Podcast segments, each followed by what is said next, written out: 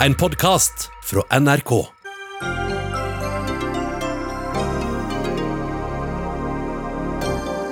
Knusende dom i retten. Eirik Jensen dømt til 21 års fengsel for grov korrupsjon og narkotikakriminalitet.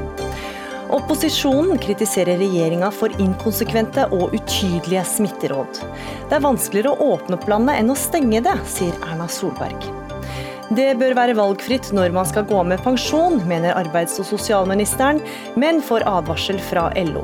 Det går på sikkerheten løs hvis ikke dette reguleres.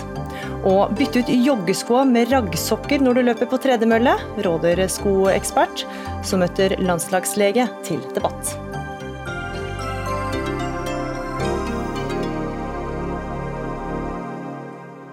Ja, det er fredag og ukas siste utgave av Dagsnytt 18.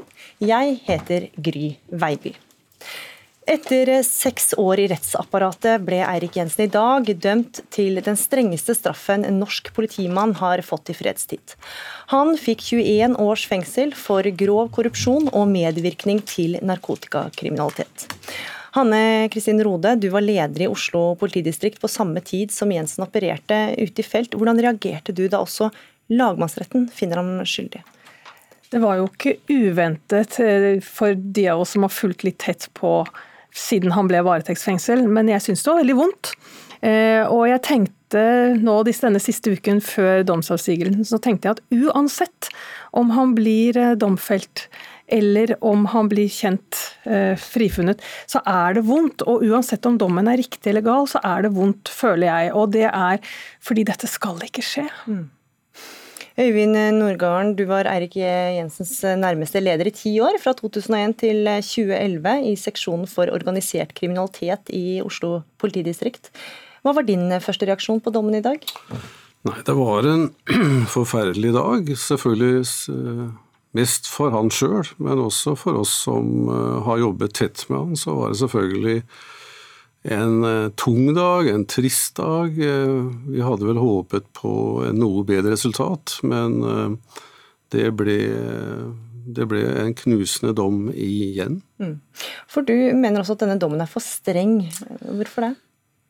Ja, Det var jo sånn første reaksjon på morgenen i dag, fem-seks minutter etter domsa, domsslutningen kom innledningsvis. Men jeg mener nok at det var det jeg tenkte litt på. Jeg syns de har i hvert fall lagt seg på det øvre sjiktet, 21 år, og, og, ikke funnet noe formidlende omstendigheter. Og jeg ser jo det at hvis han, når han blir funnet skyldig i den grad lagmannsretten her legger til grunn, så er det på en måte forståelig at de kommer opp med det strengeste, men når jeg sammenligner da med Cappelen, som altså får 13 år, så har han fått godt betalt for å angi Jensen her. Mm. Ja, Rode, du har tidligere forsvart Jensen, men nå mener du denne straffen er på sin plass? altså Straffeutmålinga, på hvilken måte? Ja, altså bare for å rydde litt, Jeg har ikke forsvart ham, jeg har aldri tatt stilling til skyld. Men jeg mener at så lenge det ikke er falt dom, så skal man behandle mennesker ordentlig. Og man skal faktisk gjøre det ordentlig etterpå også. Eh, men, så bare så det er mm, mm. sagt. Eh, men det jeg er veldig opptatt av, eh, er at Norge skal ikke ha et korrupt politi. Så hvis vi forutsetter at dommen er riktig, og det må vi nesten gjøre, så er det usedvanlig viktig med en streng straff. For jeg vet ikke hvor mange av lytterne som faktisk til daglig tenker over hvor utrolig alvorlig det er å ha et korrupt politi. Eh, alt fra at eh, et politi som vi vet om i land som vi ikke ønsker å sammenligne oss med, kan la innbruddsbander få lov til å operere ganske fritt mot at de får en del av utbyttet. De lar prostituerte få lov til å selge ulovlig sex mot at de får en del av utbyttet, eller de kan få avtale om å spise gratis på restauranter og se mellom fingrene på at det foregår noe ganske ulovlig på bakrommet bakrommet. Og et sånt politi vil vi ikke ha. sånn at jeg er hjertens enig, og jeg er ganske rusten på juss. Det er lenge siden jeg har parakterisert som aktor selv, men jeg er ikke et øyeblikk i tvil om at hvis dette her er riktig, og det forutsetter jeg det er, så må de slå beinhardt ned i eh, Både fordi det ville vært støtende mot allmennheten, og det er en veldig farlig samfunnsaktivitet. Mm. Ja, Nordgarden, eh, så at du sammenligna det med straffen eh, en viss terrorist fikk? Ja, Det var nok også litt sånn uh, tidlig morgentimen i dag. Uh, kanskje ikke helt, uh, var kanskje litt enkel å sammenligning, men hvert fall, og, og, Eirik har i hvert fall ikke fått noen forvaringsdom. Men uh, likevel så mener jeg at han har altså fått det strengeste som norsk lov gir anledning til. Og da vil jeg likevel si noe om at Cappelen fikk altså god rabatt. Mm. Uh, han, men han har blitt trodd fullt ut, mm. i motsetning til Jensen. Mm. Ja, Rode, altså, det er jo ser jo flere også på sosiale medier som sammenligner med andre straffer som andre får. Tror du denne straffen fordi at den er så streng kan stride med folks rettsfølelse? Det er vanskelig å si, men hvis eller den som forstår hvor alvorlig et korrupt politi er, tror jeg faktisk ikke vil reagere veldig. Mm. Raklev, eh, Asbjørn Raklev, du er avhørsekspert og politiover, eh, politioverbetjent i Oslo politidistrikt. I 2009 så skrev du en doktoravhandling om det som er kjernen i denne saken, nemlig politiets behandling av informanter. Og På første side så siterer du Eirik Jensen fra da han var leder for spesielle operasjoner ved Oslo politidistrikt. Hva er det han sier? Eh, han sier kort fortalt at han ønsket videre fullmakter til å, å drive sin virksomhet.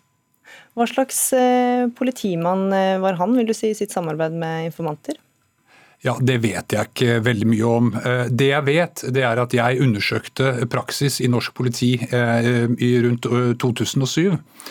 Og det jeg fant av resultater etter en omfattende spørreundersøkelse blant kollegene våre, men da spesielt kollegene til Eirik Jensen, de som drev med informantbehandling, og det jeg fant, det var to skoler.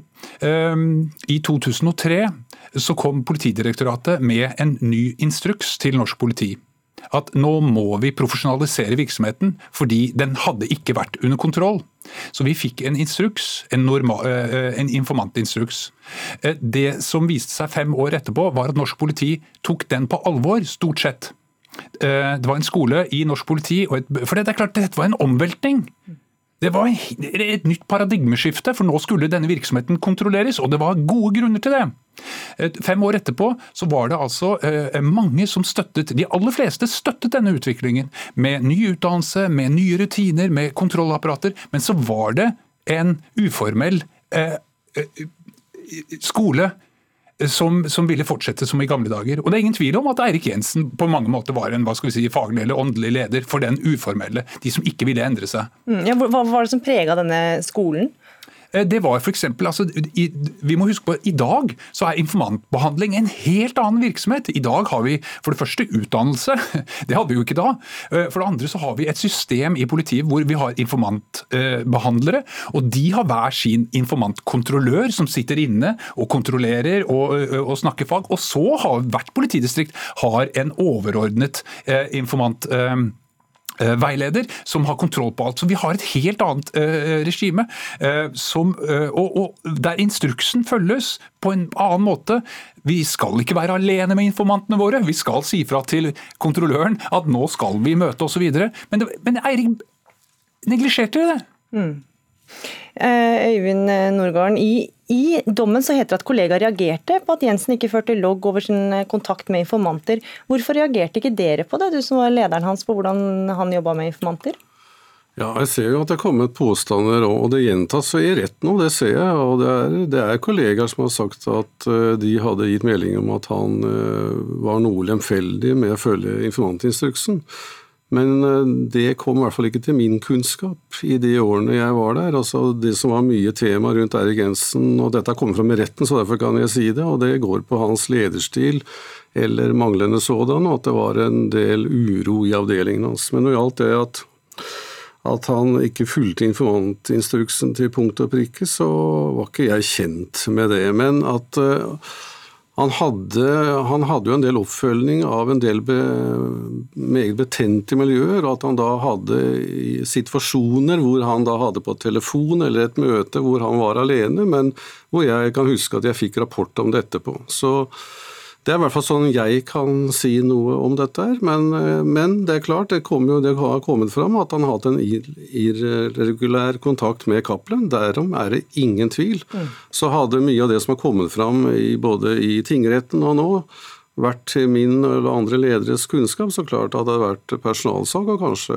verre enn det. Mm, men det du fikk vite på det tidspunktet, altså hans behandling av informanter, var det noe du tok og snakka med om dine overordnede igjen? Altså, vi hadde Det var jo Iver Stensrud som var lederne på 2001 fram til 2008 og videre. Sånn at vi hadde jo daglig dialog eh, om avdelingens drift i det hele tatt. Og Eirik Jensen var jo en av fem-seks avdelingsledere som nøt stor tillit. Han har ledet en avdeling med 30-40 personer, denne såkalte SO-gruppa. Eh, og etter, Han hadde også et stort ansvar for bl.a. gjengbekjempelse i dette såkalte gjengprosjektet. Sånn at eh, da kan du si du har jo ikke Når du nyter stor tillit, så, og, og det at du bry, da bryter den og har eh, Sånn som vi har fått kunnskap om, så så hadde i hvert fall ikke vi Du følger ikke en person idet han er utenfor eh, politihusets vegger, eller hva han gjør på kveldstid osv. Mm. Men det er selvfølgelig et uh, tankekors. Jeg ser jo at mange reagerer eh, på dommen og sier at den er knusende også for lederne i politiet.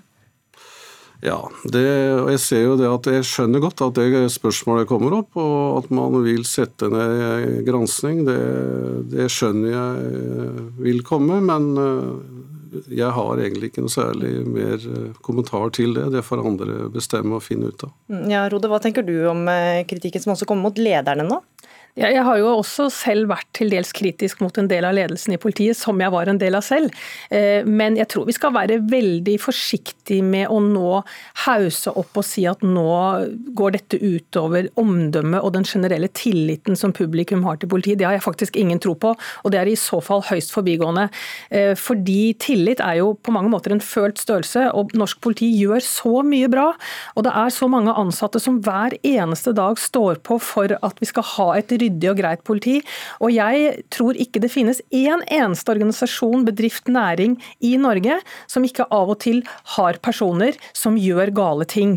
Og Man kan ikke da dømme en hel bedrift etter det. Så her må vi være litt edruelige og se på hvem som har gjort noe galt. Og så støtter jo jeg personlig eh, en ekstern gransking, for jeg mener det er grunn til å se på hvordan kunne dette skje, og hvorfor skjer det. Men det handler ikke om tillit. Mm, ja, Raklev, du har også tatt til orde for at det ikke bør være hemmeligholdte informantregler? Absolutt. Ehm, og Det er jo et problem eh, hvis vi skal ta dagens situasjon. for Jeg vil understreke at dagens politi arbeider på en helt annen måte eh, enn det som var mulig for 15 år siden. Det er ikke mulig å jobbe på den måten lenger. Eh, vi har helt andre systemer. Men dagens informantinstruks er etter mitt syn, dessverre, eh, hemmeligholdt. Eh, det mener jeg det er ingen grunn til. Og det er jo litt spesielt, og det konkluderer jeg også med i doktoravhandlingen min, at akkurat på dette området, som er så vanskelig, og så viktig, og så krevende, så har faktisk politiet og påtalemyndigheten fått ansvaret for å regulere seg selv gjennom interne instrukser. Så Det er jo derfor doktoravhandlingen min på dette området heter 'Politi og informant partnere i lovens navn uten lov'. For det er ikke lovregulert. Vi har ikke hatt en demokratisk lovprosess om hvordan denne tjenesten faktisk bør kontrolleres og reguleres. Men jeg tror at, og jeg føler meg rimelig sikker på, for jeg har lest eh, ganske mange regler rundt omkring i verden, eh, at den norske reglene som vi har i dag, er gode. Eh, men den fortjener en demokratisk lovprosess. Mm. Olav Rønneberg, krimkommentator i NRK.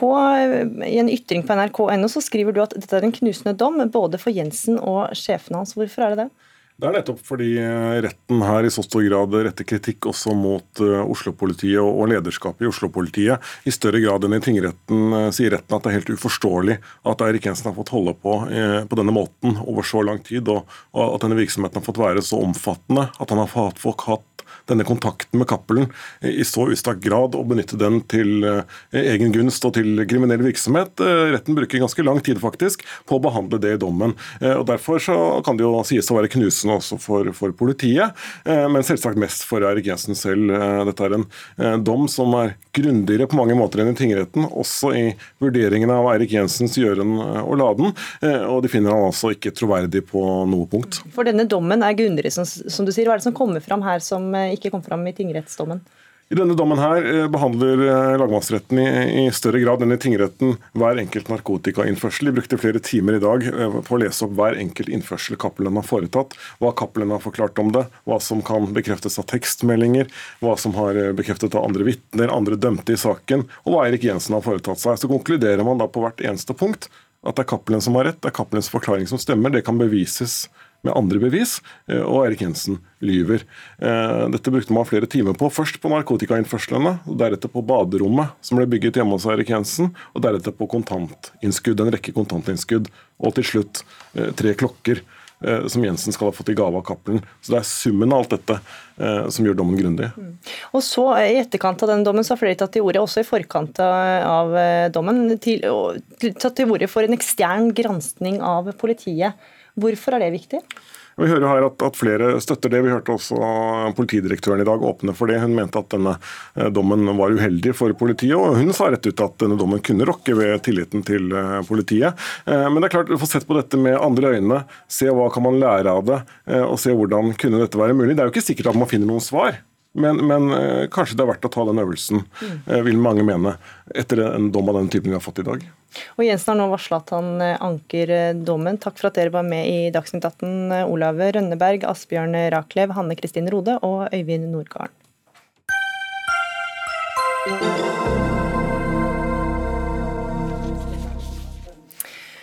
Det var nesten enklere å stenge landet enn å åpne det igjen, sa statsminister Erna Solberg under sin koronaredegjørelse i Stortinget i dag. På den siste dagen før sommerferien oppsummerte statsministeren regjeringas innsats mot koronaviruset. Og nå går den politiske debatten om hvor strenge og konsekvente smittevernrådene og restriksjonene skal være. Og Erna Solberg, statsminister, på Stortingets talerstol i dag sa du at ikke alle smitteverntiltakene er logiske. Men hvorfor lager dere ulogiske råd og smitteverntiltak? Ja, de er logiske i form av at vi skal gå gradvis frem, at det skal være kontrollert og at vi skal være etterprøvbart etter hvert steg. Men det betyr jo ikke at de kriteriene som er lagt grunn til det første steget, ikke kan impliseres f.eks. når vi åpner grensene nå. Så vil det være land i Europa som har like lave smittetall som f.eks. Danmark har. Men vi sa altså at den planen vi har, at fra 7. mai vi åpner først for Norden, lager regler og kriterier. I neste runde skal vi nå vurdere en utvidelse til nærstående land, andre som vi også kan bruke det samme på. Og at frem mot 20. august så vil det bli en vurdering om en større åpning av det vi, det vi gjør. Og Det er logisk sammenheng i det, men det er ikke logisk hvis du ser på spørsmålet om er det bare smittetallene i de enkelte landene vi har sett på. Nei, det var en plan. Vi følger planen. Og den planen er viktig for det summen av alt vi gjør, er jo det som gir den største smittefaren. Og Derfor er det sånn at ting og aktiviteter som kan være relativt sett like, kan kanskje havne i ja- eller nei-boksen akkurat nå. Fordi at det er summen av aktivitet som er avgjørende. Hvor mange møter, hvor mange steder, hvor mange kommer inn til Norge, hvor mange steder kan vi reise, og hvor mange andre kommer til de stedene. Derfor vil jeg si at det kan se ulogisk ut, og så har vi gjort noen ting. Vi har f.eks. tillatt uh, avvik fra énmetersregelen, f.eks. For, for trening for barneidretten, og ikke gjort det for trening for voksenidretten, med unntak av toppidretten. Og det er fordi vi sa vi skulle sette barn først, og at barn var i en spesiell situasjon. Vi kommer til å komme inn på det snart. Trygve Slagsvold Vedum, du er leder i Senterpartiet. Eh, som om det ikke var vanskelig nok eh, å følge med på fra før, så vil dere at smitterådene skal bestemmes av hvor folk bor. Altså ett sett med regler på Tynset og et annet regelverk i Oslo. Hva tror du det ville gjort med folks forståelse for disse rådene? Jeg tror det har eh, blitt økende. Ja. Ta, ta Nord-Østerdalen, som det begynte med. Ta kommunen Tolga. Det har vært null smitta til nå. Ingen. En annen kommune, Nord-Østerdalen, Folldal, null smitta. Og så kan ikke unge smågutta da, i Tolga kan ikke spille fotball mot smågutta i, i Tolga og mot Folldalen. De, men det er ingen som er smitta der. Ingen problem. Mens man da ser f.eks. i Oslo, så åpner man med ølservering til klokka tre om natta. På utested etter utested. Den, den delen av landet med størst smitte. Og Da er det ulogisk at man, når man åpner for det her, at man ikke kan da spille barnefotball i områder der det ikke er smitte i det hele tatt. Men hvis det da blir et smitteutbrudd, da, f.eks. i Tolga en gang, så får han heller stenge ned. Men til dags dato så har det ikke vært ett menneske i Tolga som har fått påvist korona. Ikke ett menneske i Folldalen som har fått påvist korona, og sånn er det mange norske kommuner som har. Og at da barn i de områdene ikke kan spille fotball med nabolag, naboklubber, eh, ha det gøy, ha det moro, leve mest mulig normalt, det ser jeg ingen saklig grunn for. Og så skjønner jeg, og jeg støtta også det regjeringa gjorde 12.3, for da måtte man ha man, men, men la oss holde oss litt til forslaget ditt. Hvordan skal det gjøres i praksis? Si det blir da et smittetilfelle på Tynset. da. Så hvordan gjør man det i praksis da? Ja, men da må man jo bare da må man stenge ned der. da. Eller man sier at I Hedmark, eh, sammen med, i samråd med Fylkesmannen, så sier man at nå har smittesituasjonen endra seg. Da må man stenge ned i de områdene. Men det er jo, hvis det da blir en smittesituasjon i, i Hedmark, så er det ikke sikkert man trenger å stenge ned i Finnmark, Troms, eh, Nordland, Hordaland for det. Og det som vi ser nå, er at det er spesielt i Oslo man fortsatt har litt for mye smitte, men i store deler av landet er det nesten ikke smitte i det hele tatt. Og Da kan det være at du får for et utbrudd en del av Oslo, Men det er jo ikke sikkert at du trenger å stenge ned resten av Norge. Og jeg tror Framover så kan vi jo leve med den smitten her kanskje to-tre år. Vi vet jo ikke hvor lang tid det tar før du får vaksine. Jeg tror folk er veldig villige til å gjøre tiltak, men da må det oppleves fornuftig. Og klart I deler av landet der det ikke har vært noen smittetilfeller til nå, så tror jeg det er uklokt å da ikke åpne f.eks. For, for barnefotball. Da, uskyldige ting. Og så blir det veldig ulogisk. Jeg var ute og gikk en tur i går kveld eh, etter stortingsmøtet, og du ser at det er full fest eh, i, i gatebildet i Oslo. Ganske mye fulle folk. Eh, det er en del av livet, men det måtte være legitimt. Mens det ikke er legitimt at småjenter og smågutter spiller fotball mot hverandre i områder der det ikke har vært smitte. Og det, det, tror jeg er ødeleggende for støtten, hvis man ikke begynner å kunne bruke huet, lokale tilpasninger, og, og, og sette inn tiltak der det faktisk har betydning. Ja, hva syns du om det forslaget, Erna Solberg, om lokale tilpasninger? Ja, Det er jo det hovedprinsippet er når det gjelder utbrudd. Og de fleste tiltak som vil bidra sterkere tiltak enn det vi har i dag, vil jo skje på lokalt plan. Så hvis det kommer smitteoppbrudd eh, noen steder, så vil det være mulighet for å måtte stenge mer aktivitet, kanskje stenge aktivitet som i dag er blitt åpnet. Så kommer spørsmålet Det er noen grunnleggende regler som vi har laget oss, som gjelder for oss alle, og som selvfølgelig ikke alle følger, men som alle bør følge. Det ene er énmetersregelen. Og det vi nå diskuterer, er unntak fra denne énmetersregelen. Fordi barneidretten har fått et unntak for trening for énmetersregelen. Skal du spille kamp, har du et unntak for énmetersregelen. Det er et av de fem mest grunnleggende prinsippene for smittevern i Norge for øyeblikket. Og jo mer du gjør det til et lokalt spørsmål, jo vanskeligere blir det å håndtere det. Og nå står vi altså foran en sommer hvor folk skal reise rundt i dette landet. Det betyr at faren for at smitte flytter seg rundt, så vil det være ett tidspunkt hvor vi ikke skulle lette på dette fordi at det var lokale forhold. Så er det jo rett før Oslo-borgerne skal til Røros, eller de som har kommer, som bor i Oslo, og som kommer fra Østerdalen, da, reiser tilbake inn til kommunene for å feriere hjemme og kan ha tatt med seg smitte. Det vil være det absolutt feile tidspunktet å løfte det rett før et tidspunkt hvor vi alle skal ut, og hvor utjevningen av det som skjer. Men de grunnleggende tingene er énmetersregelen, det er hygienerådene, og det er bl.a. at er du syk, så skal du være hjemme, og du skal gå og teste deg mm. for å gjøre det. Og det, man, det, det er en ganske viktig bit å ikke begynne å rote med enmetersregelen, mer enn det vi har allerede gjort for å altså gi unntak i det. For det er liksom en av de grunnleggende smitteverntiltakene for den enkelte. Mm. Jonas Gahr Støre, leder i Arbeiderpartiet. Dere etterlyser også tydeligere råd. Helt konkret, hva er det som har vært utydelig? Altså, for det første så tror jeg statsministeren har helt rett i det at det er faktisk mer krevende å åpne opp enn å lukke ned. For Lukker du ned, så er det akkurat som du smeller igjen en dør på et vis, og så når skal du være trygg til å åpne den. Men da må også statsministeren tåle at det er tilbakemeldinger på det. For jeg får inntrykk av at når vi tar opp ting med regjeringen, så er man nærmest litt sånn det er en helhet, summen er der, der ligger det, alt er låst i stål. Og Det som Trygve snakker om her, jeg mener det er mange eksempler på det. Altså, i, I dag er det jo stort engasjement i fotballen. Jeg mener det er uforståelig at barn som har lav smitte, de kan altså ikke spille kamper.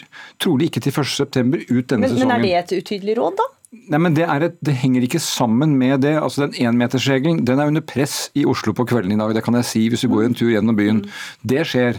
Det er ikke noe grunn til at man skal være veldig da lempe alle veier. Men, men jeg tror at det er, en, det er, vanskelig å forstå at når vi nå fyller opp treningsstudioene, danskebåten går, utestedene lever, men de ungene får ikke spille fotball.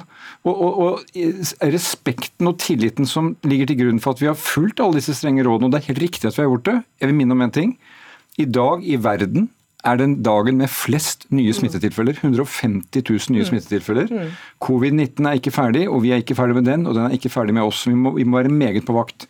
Men da må vi også ha tillit til at de tiltakene som treffes er forståelige og rimelige. Og dette med at barn ikke kan spille fotball, det rimer ikke med den, all den andre åpningen og det som skjer i landet for øvrig. Ja, Erna Solberg, La oss ta dette med barnefotballen. da. Hvorfor kan ikke Randaberg jenter 9 spille mot Viking jenter 9 når treningssenteret holder åpent f.eks.? Treningssentrene er underlagt veldig strenge hygieneregler. De har ikke avvik fra énmetersregelen. Alt dette må praktiseres. Det vaskes ned. Jeg var, jeg var også på Frognerbadet. Der har du to timer slåtter, du må booke det foran to timer. Det blir fort booket opp. De vasker ned anlegget imellom, og så, så kommer der, og så, og så kommer der 100 nye i neste omgang. Også fotball, da. Ja, dette, men dette skjer alle steder. Når du går inn og tar avvik fra énmetersregelen, så betyr det at du er tett på. Du, du får kamper hvor, folk, hvor, barn og unge er tett på. Og det er altså sånn at Vi sa ja til det av treningshensyn for at man skulle få lov å trene. Mm. Men går du ett skritt, så kommer neste spørsmål. Hvorfor gjør vi det ikke for voksne? Hvorfor flytter vi det ikke i hele tatt? Og Av og til må vi sette noen grenser for disse spørsmålene. Hva med ja, det er nettopp det vi har gjort. Vi har prioritert barn foran voksne. Ja, men vi har prioritert at de skal kunne trene og jobbe og gjøre det. Og så er vi altså på vei inn i denne reisevirksomheten. Og vi må se summen i samfunnet vårt. Nå skal alle rundt og reise i dette landet. Nå begynner ferien, og nå kommer flytteaktivitetene til å være. Det er en smittepotensial i det. Og jeg synes det litt, I dag er det bare for For noen dager siden så var det hvorfor vi ikke kunne gi bedre forutsigbarhet på når vi skulle åpne for andre mm. land. For to dager siden på Dagsnytt 18. Altså det er jo noe med at vi, Jeg sa veldig tidlig hvis du vil ha forutsigbarhet, må du feriere i Norge. For vi må se an smittetilfellene i andre land etter hvert som vi åpner. Og vi kan ikke gi en forutsigbarhet på disse punktene. Men det, men det, men jeg, altså, bare si sånn, jeg skjønner at man kan stille spørsmål og diskutere. Men vi følger jo da de faglige rådene vi får på disse områdene. Vi får en sum av de faglige rådene. Og, og det som aller viktigst nå, er jo jo flere som er sammen, jo tettere jo, de sammen, sagt, Solberg, Men du kan ikke gå inn og ut av de faglige rådene, og så sier du det at diskusjonen om disse tingene Man kan stille spørsmål ved det, at ikke det er mulig. Nå er det stort sett I Norge så ligger alle avgjørelsene på din hånd. De ligger med faglige råd fra Helsedirektoratet og Folkehelseinstituttet, men det er en sum som skal gå opp. Når det strider mot det som er helt opplagt, oppfattes fornuftig blant folk, så må denne debatten komme. og Kanskje dere kan ta til det dere gjorde det med fotballen litt tidlig. men Jeg tar det eksempelet. Vent med at vi voksne kan spille fotball, vi amatører, men la ungene spille. Det er noe med å ta det fra dem. Det rimer ikke, det går ikke opp. Og Det mener jeg er veldig greit å få gjort nå, mens det ennå er noen måneder igjen av sesongen. Du skal få svare veldig kort på det. Ja, Nå går vi jo inn i en sommersesong hvor det, er, vært, eh, hvor det ikke drives vanlige, eh, vanlige, barnekamper i det hele tatt, men hvor det drives, eh, drives leire og annet, og en aktivitet som allerede er avlyst for det er store arrangement, hvor folk er tett på hverandre. Så i så måte så, så er det jo dette et tema som egentlig er mest aktuelt når vi kommer tilbake inn til august, hvor de vanlige seriekampene i barneidretten starter opp igjen. Så akkurat nå så står vi foran sommersesong hvor dette ikke har samme behovet eller samme biten. Men det er summen i aktivitet, og det er viktig å si. Vi kan gå noen skritt fremover hele tiden, men gjør vi det for fort, kommer smitten for raskt opp, og midt i eh, sommersesongen så vil flere bli smittet rundt omkring. Og da vil vi spre smitte mer, og det blir vanskeligere å holde kontroll på det. Vi skal ta inn en eh, fjerde person. Siv Jensen, leder i Fremskrittspartiet. Du også kritiserer regjeringa for inkonsekvente smitteråd. Men hvis alt skulle være konsekvent, kunne ikke regjeringa da gjort, da kunne de ikke gjort unntak, og resultatet ville vært flere restriksjoner. Er det det du tar til orde for?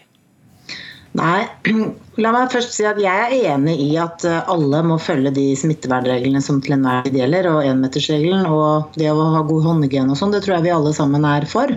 Problemene har oppstått i det norske samfunn etter etter den demonstrasjonen vi så i Oslo, hvor titusener av mennesker var samlet, eh, og inkludert en statssekretær fra eh, regjeringen. Eh, det gjorde at veldig mange ble forbanna, fordi de har vært på dugnad. De har drevet selvdisiplin gjennom uker og måneder. Og så opplever de nå at regjeringen gir råd som egentlig ikke henger sammen. Alle prøver jo å legge til rette for at smittevernreglene skal følges. Ta et eksempel på det. Det er Dyreparken i Kristiansand.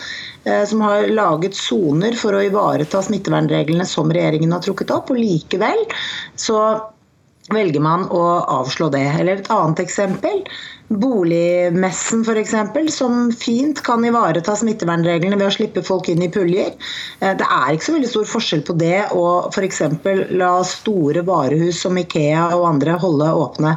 Så jeg tror bare at regjeringen nå bør lytte litt til um, opinionen til folket, til Stortinget, som nå faktisk peker på at det må være en viss konsistens i dette. Fordi hadde det vært sånn at regjeringen 100% hele tiden utelukkende fulgte de, eh, de rådene som ble gitt fra helsemyndighetene, så hadde dette vært helt uangripelig. Men det er jo ikke det som skjer. Men hva er løsninga da, Siv Jensen? Skal man åpne opp alt, da? Nei, men regjeringen sitter og utøver skjønn politisk skjønn. De har laget seg en kø i forhold til hva de mener skal åpne opp og ikke.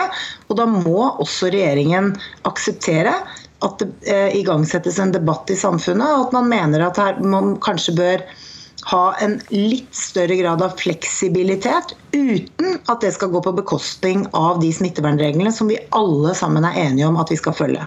Mm. Erna Solberg, gjennom hele denne pandemien så har vi sett at dere har innført strengere tiltak enn det ekspertene i Folkehelseinstituttet har anbefalt. Kan du eh, gi et eksempel på råd hvor dere har vært mer liberale enn Folkehelseinstituttet?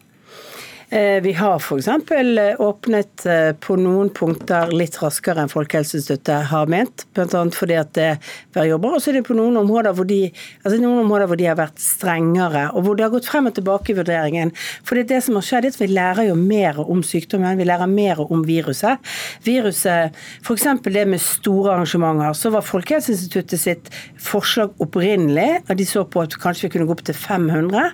Nå er de veldig tydelige på, når vi trodde vi kanskje kunne vurdere å gå på 500. Nei, det kan vi ikke gjøre. For nå er kunnskapen om superspredning i store menneskemasser såpass sterk og tydelig. De to viktigste punktene for spredning har vært familien Altså at hele familier blir syke og nærområdene. Og det andre er faktisk disse store arrangementene. Og Det betyr at det rådet vi får nå pga. ny kunnskap, det er at vi holder igjen på nettopp det. Og ikke går lenger enn det vi antydet at vi kunne gjøre. Så er det sånn at vi hadde en kø etter den planen for åpning, og den har vi nå gjennomført. Og den eh, er vi nå ferdig med. Nå står vi igjen med noen tiltak som vi ikke har en kø på, men som er faktisk veldig faglig begrunnede råd om f.eks. å ikke ha mer enn 200 i forsamlinger. Og det er jo basert på en vurdering vurdering. Det er ikke regjeringen som har avslått eh, eh, Dyreparken i Kristiansand og Kaptein Sabeltann. Det er, eh, det er, Helsedirektoratet som har gjort en vurdering og sagt at dette holder ikke i forhold til smittevernreglene. sånn at det er jo en faglig vurdering av at det ikke holdt.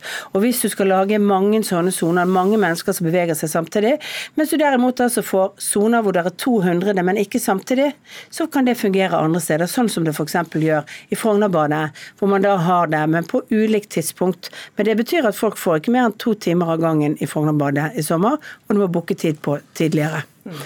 Ja, det som jeg virkelig vil eh, håpe regjeringa begynner å tenke på nå, er går det an å ha en forståelse for oss hos regjeringa at vi kan behandle ulike deler av Norge ulikt ut fra det som er den faktiske situasjonen i ulike deler av Norge. Mm. For Det er det som egentlig er poenget. Selvfølgelig at eh, Alle vil jo slå ned smitten. Men jeg tror det er veldig viktig hvis vi skal klare å ha en tålmodighet i befolkningen over flere år, som vi kanskje må ha så må folk se en rimelighet i tiltakene. Og da tror jeg, hvis, for Stangen der jeg bor, hvis det blir et stort smitteutbrudd, så tror jeg alle vil ta ungene sine ut av trening og vil sørge for å gjøre alle de tiltakene. Men eh, regjeringa begynner å modnes på den tanken. for vi, har, vi utfordrer også veldig forsiktig, vi har vært veldig forsiktige ved å utfordre regjeringen på smittevernråd fra de som til sjuende og sist er utøvende myndighet, men også når det gjelder skole. og Man kunne ha gradvis åpning, gradvis stengning.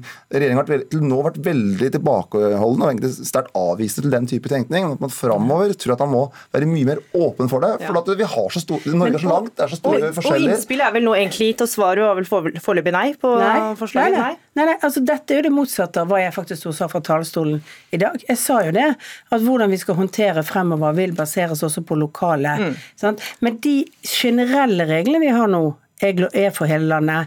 Men hvis vi får en smittesituasjon, så er primærhåndteringen at du gjør det lokalt. Og hvis det, har, hvis det er veldig inngripende tiltak, hvor naboene dine blir berørt av det, så må du faktisk samarbeide med de og eh, avklare med, med, smittemyndighetene nasjonalt at det er riktig å gjøre.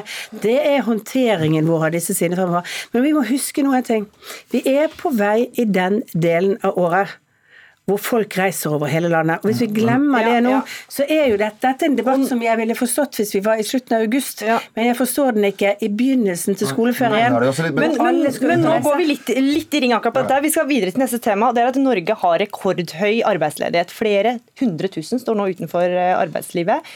Jonas Gahr Støre, dere foreslo i Stortinget i dag å utvide dagens eh, permitteringsordning. Hvor går Arbeiderpartiets grense for, for hvor lenge en arbeidstaker får være permittert? Ja, nå har vi sagt ut året. Det burde være slik. Vi har lagt inn penger i vårt alternative budsjett. Vi har altså 300 000 helt eller delvis arbeidsledige. Veldig alvorlig. Erna Solberg holdt en lang redegjørelse i dag, og det var mange andre viktige punkter i den. Jeg syns det var en god redegjørelse. Men det punktet jeg vil trekke frem, er dette. Det er på økonomi. Det er en sårbar situasjon. Men det som virkelig bør oppta oppmerksomheten vår nå, det er alle de menneskene som har ventet på behandling, vanlig sykehusbehandling, i de månedene hvor det ikke har vært mulig å få det. De kan ha blitt sykere, kreftpasienter alvorlig syke som har ventet på behandling. Det var nødvendig fordi sykehusene måtte ta de uh, grepene de måtte for å behandle mulig mange koronapasienter. De må få behandling nå, disse menneskene. Det er utrolig viktig. Også punkt to. Dette kan komme tilbake. Og jeg er glad at statsministeren sa at hun er trygg på at skjer det, så har kommunene smittevernutstyr. De har testkapasitet og de har sporingskapasitet. For den beredskapen må vi nå holde. Men som sagt, alle de menneskene som ikke fikk behandlingen mens de måtte få det, de som lider økonomisk av at de har fått kutt i stønaden sin fordi de ikke fikk behandling, de menneskene må vi se, og de må vi stille opp for. Men nå snakka vi om permitteringsordningen, Erna Solberg. Ut, ut året bør ut året. det forlenges til. Eh, men det vil ikke dere, hvorfor ikke? Nei, Vi har valgt 26 eh, uker, eh, eller, og det er hovedregelen. Og så har vi jo valgt å sette en, en dato. Grunnen til dette er jo at etter hvert vil jo nå Eh, det være behov for arbeidskraft andre steder. Det vil være større bevegelse i, i, arbeidsmarkedet. Vi kommer til å se en forandret periode. Det vi gjorde regelverket for i mars, det var jo når myndighetene faktisk stengte ned aktivitet, sånn at det ikke kunne drives. Nå er vi tilbake i en mer vanlig situasjon, hvor faktisk eh, det er etterspørselen i arbeidsmarkedet. Det er etterspørselen internasjonalt som kan sørge for at tempoet går lavere i deler av industriene, at folk blir permittert for det. Da syns vi at de reglene vi har hatt før, de er fortsatt gunstigere enn de var før korona, de reglene vi har, men det er fortsatt en viktig del av, av arbeidet. Og gradvis så må også arbeidskraft bevege seg mot de stedene hvor det blir behov for arbeidskraft. Mm. Trygve Slagsvold Vedum, også Senterpartiet var med på å endre reglene som sikra full lønn til de permitterte i 20 dager. og Dermed ble også terskelen for å permittere ansatte nærmest helt borte. Hvorfor eh, gjør det lettere å sende ansatte til Nav for bedriftene? Altså det, var, det var helt nødvendig at vi gjorde de endringene i mars. For regjeringa, Deres forslag var bare at arbeidsgivere, altså bedriftene, skulle kunne permittere etter to dager å betale, og så skulle en arbeidstaker da gå ned til 62 lønn etter dag tre. Det var altfor brutalt, for folk hadde ikke mulighet til å planlegge for det i det hele tatt. Altså Vanligvis hvis du blir permittert, så har du et forvarsel. Her fikk du ikke forvarsel, og så skulle du gå ned da til 62 lønn i løpet av tre dager. og det var, for, det var for hardt. Det er ikke den norske modellen. For her skal vi hjelpe hverandre. Og jeg syns det var mange mangler i redegjørelsen fra statsministeren i dag. Ikke minst hvordan f.eks. norsk anleggsbransje kommer til å rammes veldig hardt av denne krisa mer oktober, november, desember. Veldig mange små bedrifter sliter veldig nå, veldig bekymra for at de ikke har nok oppdrag utover høsten. Jeg synes Det er veldig rart at statsminister Erna Solberg ikke fulgte opp Stortingets vedtak med å gi minst 4 milliarder kroner til kommunene for å skape aktivitet og arbeidsplasser rundt omkring i hele landet. Jeg synes Det er rart at ikke regjeringen har klart å finne en ordentlig ordning for sesongbedrifter. Eller det ikke er rart, det er skuffende det, at de ikke følger opp den ordentlige ordningen for sesongbedrifter og lagd en kompensasjonsordning som gjør at du straffer de her tradisjonelle, solide bedriftene som eier sine egne driftsmidler de får nesten ikke hjelp i det hele tatt. Men hvis du leaser, det er helt legitimt det, da får du masse hjelp. Så det er mange mangler. Og jeg syns at eh, noen ganger at regjeringa blir liksom eh, for bakpå. Eh, litt for lite opptatt av mer av de små bedriftene. Litt for opptatt, litt opptatt av sesongbedriftene. Også når man nå skal stramme inn permitteringsregelverket sånn som de skal gjøre. Så, så er det lett å si at nå blir de tilbake til normalen, men veldig mange av bedriftene får problemene nå. Fordi at de får for få oppdrag. Og da må vi ikke stramme inn for fort. For de har også behov for hjelp, eh, sånn at de klarer å holde folk i arbeid. Også Grunnen for at vi er for 52 uker, er at det er om å gjøre at færrest mulig folk blir sagt opp. For det vi vet at folk blir sagt opp, er at det blir mer innleie, mer midlertidighet, et dårlig arbeidsmarked i neste runde. Og Derfor er permittering selvfølgelig ikke noe vi ønsker, men det har vært en forsikring for at vi har et solid norsk arbeidsmarked. Mm. Du skal få svare på, svare på det. Ja, for det første når det gjelder ordningene. det vi har laget ordninger for kontantstøtteordninger for bedriftene for at den skulle virke fort. Der måtte vi lage en automatisert ordning, vi måtte lage den basert på noen prinsipper. Vi jobbet med arbeidslivets partner for å få den på plass, og vi gjorde det for at den kunne være automatisk. Og vi sa at dette er ikke skreddersøm. Eh, dette er ikke sånn at det kommer til å passe til alle formene. Og vi har gjort mange tilpasninger etterpå for å få den bedre inn. Men for å få den opp og stå, for å berge livskraftige bedrifter, for å sørge for at folk fikk utbetalt penger, så var det viktig. Den andre vi gjorde, var at vi sørget for at det var en forskutteringsordning. Når det ble gjort så mange endringer i dagpengeordningen, så ble det også en utfordring på hvor raskt vi fikk ut dagpengene. Mm. Og jeg er, ganske, jeg er, faktisk imponert over det arbeidet Nav har gjort. Det er tolv ganske store endringer som Nav har hatt ansvar for i denne perioden. I forbindelse med finanskrisen så ble det over 78 ventedager på et tidspunkt uten at det var gjort noen endringer i det. Nå har vi et Nav som faktisk er bedre i stand til å håndtere det, men forventningene har vært store om at alt skal skje raskt. Men det var vi veldig tydelige på at det klarer ikke Nav. Men nå er Nav oppe og går, nå utbetales det, og derfor laget vi en forskutteringsordning for de som var arbeidsledige. Det er dessverre litt mange som ikke har brukt den forskutteringsordningen, og det kan vi tenke på om vi har vært gode nok på å informere om, men uh, den har vært der for å sørge for at folk har hatt penger. Ja, Det har vært altså tusenvis av mennesker som har hatt sine daglige, ukentlige, månedlige regninger og ikke fått de pengene de skulle få på dagpenger. Det har vært en stor belastning. Det tok lang tid før det kom på plass. Men det jeg tror vi skal se, og det blir spennende å følge, og det er ganske uhyggelig også, det kan stå ganske dårlig til hos en del bedrifter som har hatt en tøff tid, og som er rammet av fall i etterspørsel hjemme og ute. Så vi er nødt til å være forberedt, og det har vi snakket om i Stortinget i dag, til at det både i sommer og utover høsten kan være behov for nye pakker. Og Det er derfor dette med permitteringsregelverket og horisonten der er viktig. og Noe vi har vært opptatt av, har vært at når folk nå er permittert, så må de få anledning til å bruke i hvert fall den tiden på kompetanse, være i en slags aktivitet for å forberede seg på å komme raskt tilbake. Og Det signalet håper jeg statsministeren tar fra arbeidslivets parter, LO, NHO. Gi en forlengelse av permitteringsregelverk som gir det signalet, den tryggheten, den forutsigbarhet. Det vil være viktig for, det, for bedriftene som nå går inn i høsten. Helt avslutningsvis så skal vi se litt framover, fordi folk er bekymra for en ny smittebølge. Erna Solberg, hvor godt rusta står vi nå? Vi kan jo mye mer om viruset. Vi har bygget opp en beredskap. Noe av utfordringen i helsevesenet vårt nå er at de skal gi behandling til alle de som trenger det, samtidig som de skal ha beredskap. Og vi tar ikke ned beredskapen for å kunne, kunne liksom løfte opp f.eks. intensivkapasitet. Den skal fortsatt være der. Vi har trent og øvd folk. Vi har eh, veldig bra situasjon, eh, på materiell, materiell smittevernsmateriell nå. Vi har en bestilling og, og under, med avtaler om produksjon for det som vil være eh, forbruket vårt på, på nesten en tolv måneders sikt, sånn som det ligger nå. Men er vi godt nok rusta til at vi ikke nødvendigvis trenger å stenge skoler og barnehager igjen?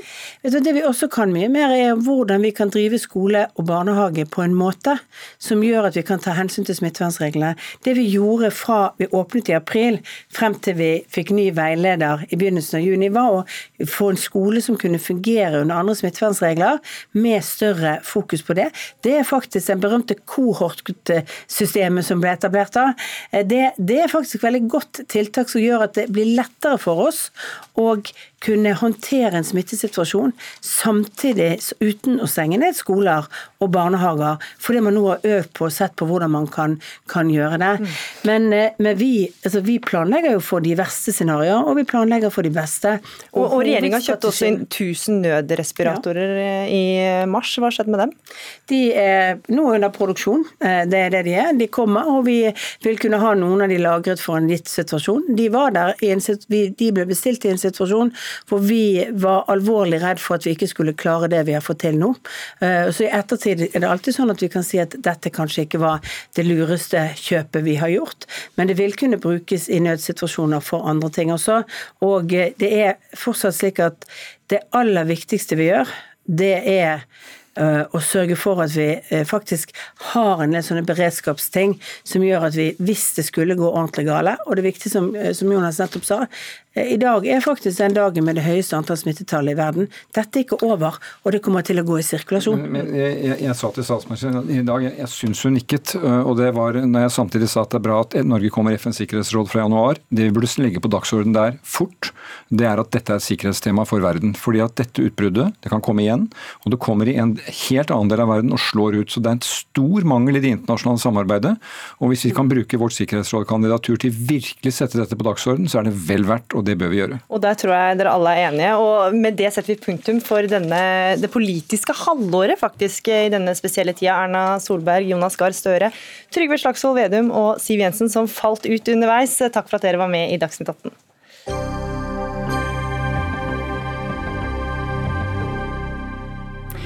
Hvor lurt er det å bytte ut joggeskoa med raggsokker? Ja, det får du høre mer om snart. Hvor lenge skal vi stå i jobb? Nå tar arbeids- og sosialminister Torbjørn Røe Isaksen til orde for at folk skal få jobbe så lenge de vil. I dag er det nemlig slik at noen yrkesgrupper har det som kalles en særaldersgrense for når de går av med pensjon, og den er lavere enn for andre yrkesgrupper.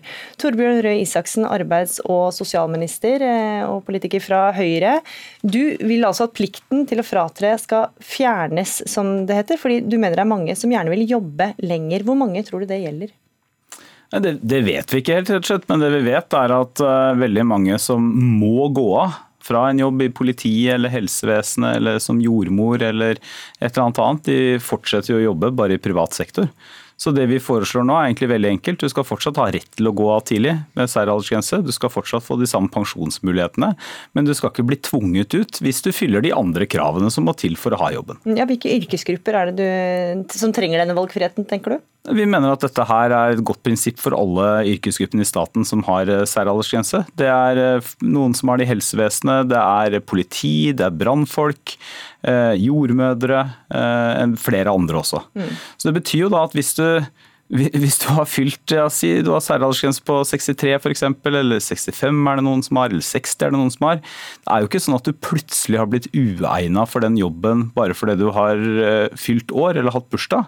Hvis du har lyst til å gå, så har du fortsatt rett til det. Hvis du har lyst til å fortsette å jobbe, så skal du få muligheten til det, så sant du fyller de andre kravene. Peggy Hessen Følsvik, du er første nestleder i LO. Dette skal være helt frivillig, men allikevel så er dere sterkt imot. Hvorfor det? For veldig mange så er ikke dette snakk om valgfrihet. For veldig mange av disse gruppene som eh, statsråden snakker om her nå, så er dette folk som ikke engang klarer å stå til særaldersgrensene. Det er jo en grunn til at særaldersgrensene ble innført i sin tid, og at vi har dem fortsatt. Og det er jo fordi at dette er folk som eh, for det meste er ansatt i svært krevende yrke, enten det er fysisk eller psykisk, eller yrke der det er stilt store krav til f.eks fysikken din. Mm. Men, men, si at de da, de går av eh, med særaldersgrense, men de som faktisk vil stå lenger i jobben, kan få lov til å stå lenger i jobben. Hvorfor er det problematisk? Ja, men Problemet er at hvis du begynner å plukke småbiter fra en ordning som skal gjelde alle, så undergraver du hele systemet. og Da vil det plutselig være sånn at nei, men da kan regjeringa si at nei, men vi trenger jo ikke ha en god pensjonsordning for disse stillingene, fordi de kan jo bare velge å stå lenger. Ja vel, da står du igjen med ganske mange som ikke når den eh, særaldersgrensa, som ikke kan jobbe lenger enn til særaldersgrensa. Og så vil de få en veldig mye dårligere pensjon enn andre som har en normal eh, aldersgrense. Og dermed så undergraver du et system som er meint å gjelde alle, med å ta hensyn til noen få. Ja, Isaksen, Hva skal skje med pensjonsordningen da, til disse det, det, det skjer ikke noe med pensjonsordningen som følge av dette forslaget. Eh, og Det er derfor den argumentasjonen her blir litt sånn visse at dersom. Altså Vi vet at i dag så er det politifolk som må gå av særaldersgrensa si, har lyst til å jobbe videre, det får de ikke lov til, eh, og som går over og jobber i privat næringsliv eller blir privatforsker isteden. Vi vet at vi sliter med å få tak i nok jordmødre, jordmødre rundt om i hele landet som har lyst til og føler at de har helse nok og meningsfylt arbeid nok til å kunne stå et par år lenger til i jobb. Det har de ikke muligheten til, for det er altså en plikt til å fratre. Og Det vi foreslår er ikke noe en plikt til å fortsette, men det er en mulighet til å fortsette dersom man har lyst til det. Og så er det jo sånn at det må, jeg tror nok i, i, beste fall at det er delte meninger om dette også i både blant arbeidstakerorganisasjoner, men også innad i LO. Blant annet leste jeg et innlegg fra, fra Fagforbundet største forbundet i LO, stor i offentlig sektor, for, for en stund tilbake, hvor de påpekte at uh, særaldersgrense burde jo være en mulighet til å gå av for sliterne, uh, men ikke da en plikt for de som har lyst til å jobbe til å gå av. Ja, eh, Det er jo mange som er veldig spreke og gjerne vil stå lenger. Ja, det er det. Og, og, og, og vi hadde jo håpet at vi skulle komme til en eh, ordning som sier som gjelder alle. Det var jo intensjonen vår når vi eh, gjorde denne avtalen, nye avtalen om offentlig tjenestepensjon i 2018. Da hadde vi en avtale med regjeringa der vi var enige om i hvilken rekkefølge vi skulle jobbe med eh, disse ordningene. Eh, men det som er viktig med denne avtalen, er at den samtidig slår fast at det faktisk vil være behov for særaldersgrense også i framtida. Det eh, undertegna også den som var vedkommende for statsråd den gangen på. Og så skulle vi ha en videre prosess. Nå har vi ikke den prosessen. Nå eh, kom vi ikke i havn med forhandlingene, og så begynner da statsråden og regjeringa å plukke trekke ordninger fra hverandre i biter. Og det er rett og slett et angrep på offentlig ansatte sine pensjonsordninger, som jeg syns er veldig dårlig gjort. Det kan godt hende at vi må gjøre justeringer her, men per i dag så sitter vi altså ikke ved forhandlingsbordet og får være med på det. Nå plukkes det i stykker i småbiter. Snikende forslag. det, er for at det er to helt forskjellige ting, eh, og det tror jeg LO vet veldig godt. Altså Det ene spørsmålet er hvorvidt vi skal ha særaldersgrenser, og hvordan de skal være. Eh, og Det, det er helt uaktuelt for meg å, å, gjøre noe på det uten at vi har en god prosess og god dialog med partene i arbeidslivet, både arbeidsgivere og arbeidstakere. YS og Unio, Akademikerne og LO og andre. Så nå løfter du men, bare tanker? Men, nei, nei, men dette dette er noe annet, for dette handler om det som helt konkret kalles fratredelsesplikten. og Det er ikke sånn at jeg bare har luftet dette som en tanke. Vi kommer til å sende ut forslag om dette på høring, og kommer til å endre regelverket. Eh, og Det innebærer altså ikke noe for pensjon, ikke noe for retten til å gå av eller ved en særaldersgrense, men det betyr at du får ikke en plikt til å slutte i jobben din. Og Det er jo det som er faktum nå for veldig mange arbeidstakere som føler at de har det i seg, som fyller de fysiske kravene til å være brannmann videre. Men du får ikke lov å jobbe videre fordi du har fylt et bestemt år. Føler Føles er også engstelig for at dette kan gå på sikkerheten løs? På hvilken måte da? Fordi det er sånn, som jeg sa i stad, at disse grensene er satt også for å ivareta eh, sikkerheten i, i, de yrkesgruppene som har disse særaldersgrensene. Med å fjerne plikten til å gå av, så risikerer du at folk ikke vil gå av da. Da risikerer du at en brannkonstabel som ikke fyller eh, helt de fysiske eh, forutsetningene, han har ikke noe lyst til å gå av. Men han har og skjønner rett, kanskje ikke sin egen begrensning? Ikke sant, men han har jo rett til å stå til pensjonsalder. Hva skal man gjøre med han da? Men, men, men, det sånn. Men, men, men jeg syns ikke dette er så vanskelig. Vent litt, han sies opp ja, fra stillinga si. Og hvem er det i så fall som skal eh, bestemme at nei, du er ikke eh, kraft sterk nok til å fortsette jobben din? Og Isaksen, ja, for Noen ganger kan det jo være vanskelig å, å kjenne sin egen eh, begrensning. og Dette er yrker som er fysisk krevende, f.eks. brannmann. Du må jo vite at vedkommende opererer i en brann. Helt riktig. Beklager at jeg ble litt overivrig nå, men det er helt riktig. Og Derfor har vi jo fysiske krav for en del av disse yrkene. Altså Helt konkret, det er tester du må gjennom. Mm. Mm. Hvis du ikke fyller de fysiske kravene, så får du ikke lov til å være brannkonstabel. Mm. Det gjelder enten du er 45 eller 55 eller 65, som da vil være tilfellet hvis man får andre særaldersgrenser. Så hvis du ikke fyller det, så kan du selvfølgelig ikke være brannkonstabel. Men det, det LO litt overraskende her tar til orde for, det er at hvis du uh, har fylt et bestemt år, fyller de fysiske kravene for å kunne jobbe i brannvesenet, så får du allikevel ikke lov til å jobbe.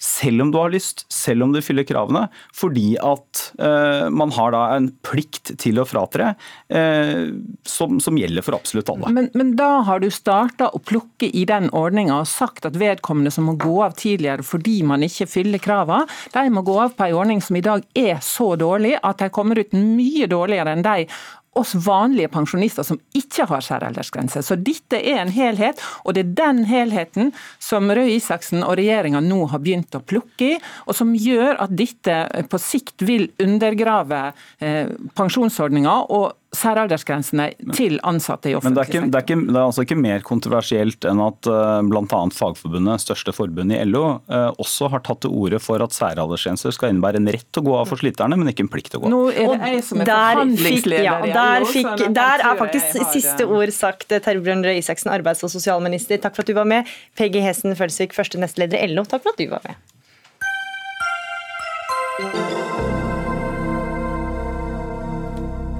Dropp joggeskoene, nå er det raggsokkene som gjelder. En skoekspert mener nemlig at mange av dagens joggesko er for dårlige, og anbefaler heller mosjonister å løpe med raggsokker når de gjør unna økta si på tredemølla. Ja, Det kunne vi lese i Aftenposten. Og Terje Haugå, du er lektor i biomekanisk terapi ved Universitetet i Sørøst-Norge, og forfatter av flere lærebøker om sko, bevegelse og helse. Og Det er altså du nå som ønsker at løperne tar fram raggsokkene på tredemølla si. Hvorfor det? Jo, for det at eh, noe av problemet er at det er så mange joggsko som det er feil med, altså som gir overdempning.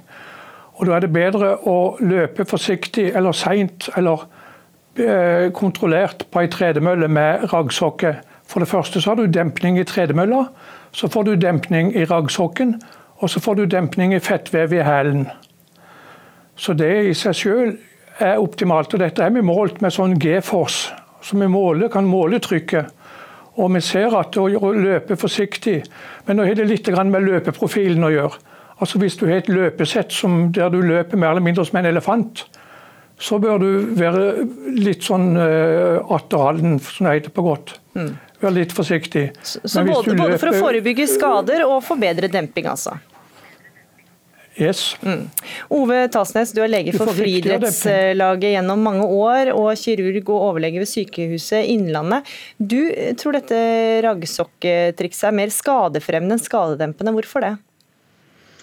Eh, grunnen til at jeg tror det, er at det er litt avhengig av hvordan du gjør dette her. Eh, vi som jobber med idrettsutøvere på alle nivåer, er opptatt av at endringer du gjør i forhold til bruk av utstyr, det kan være skotøy eller andre ting, eh, må skje gradvis og forsiktig. Det er ofte der vi ser de skadene som som du får eh, over lengre tid. Altså eh, skader som du utvikler gjennom trening over eh, uker og måneder og år.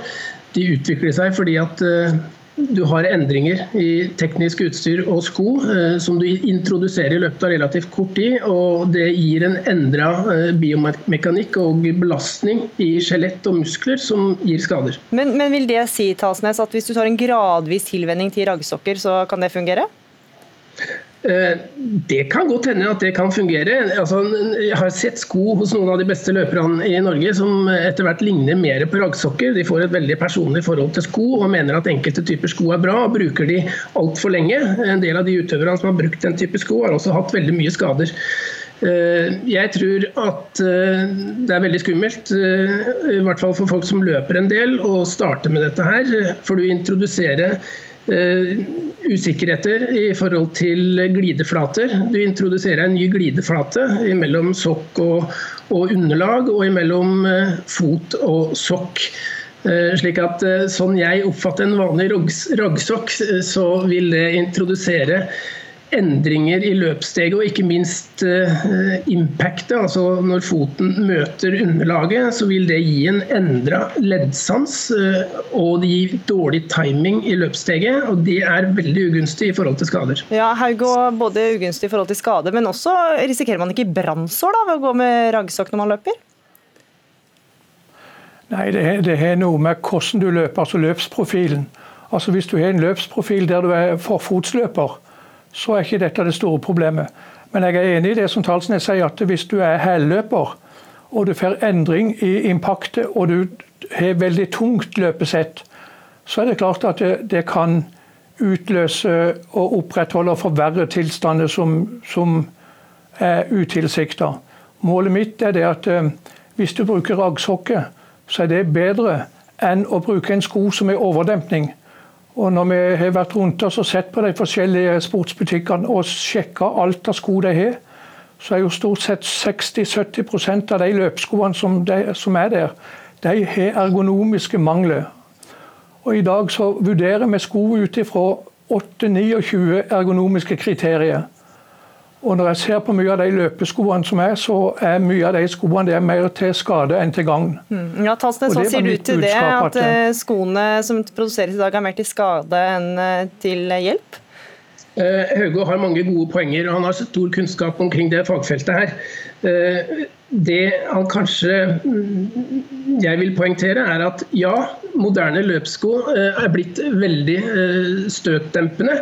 Eh, det gjelder De fleste fabrikanter har innført relativt tjukke såler med støtdempning. Men det utelukker ikke at de fleste fabrikanter har svært gode sko. De har sko som har lite dempning, de har sko som har høy og lav dropp, altså eh, forskjellen mellom, mellom eh, hæl og forfot, avstand til underlag. Slik at du har en variasjon på sko som egentlig blir stadig bedre. De moderne skoene som nettopp har kommet nå, de har en betydelig støtdempning. Eh, og det kan være ugunstig for en del utøvere. Eh, og Det er også ugunstig i forhold til det jeg nevnte med tanke på leddsans og timing. Det kan være vanskelig. Det krever også tilvenning, den type sko. Men jeg syns variasjonsbredden til skofabrikanter nå er så stor at det er ikke noe vanskelig i det markedet å finne en sko som passer deg, som ikke er overdempa. Haugå, helt til slutt her. Altså, for de som blir inspirert nå, hvilken garntype vil du anbefale? For de som nå vil strikke sin egen raggsokk? Nei, Da vil jeg bruke noe som heter hammerstrikking som er som er strikketypen. Det var liksom sånn bestemorstrikka, sånn godt løst raggsokk. Så at det er god maskebredde, god masketype. Ja, da får vi se om vi kommer til å se mange i raggsokker nå som treningssentrene er åpna igjen. Om det er raggsokkene eh, kledde føtter på tredemøllene etter dette. Takk for at dere var med i Dagsnytt 18, Terje Haugå og Ove Talsnes. Dagsnytt 18 er over for i dag. Ansvarlig for sendinga var Anne Katrine Førli. Det tekniske ansvaret hadde Frode Thorshaug, og her i studio Gry Veiby.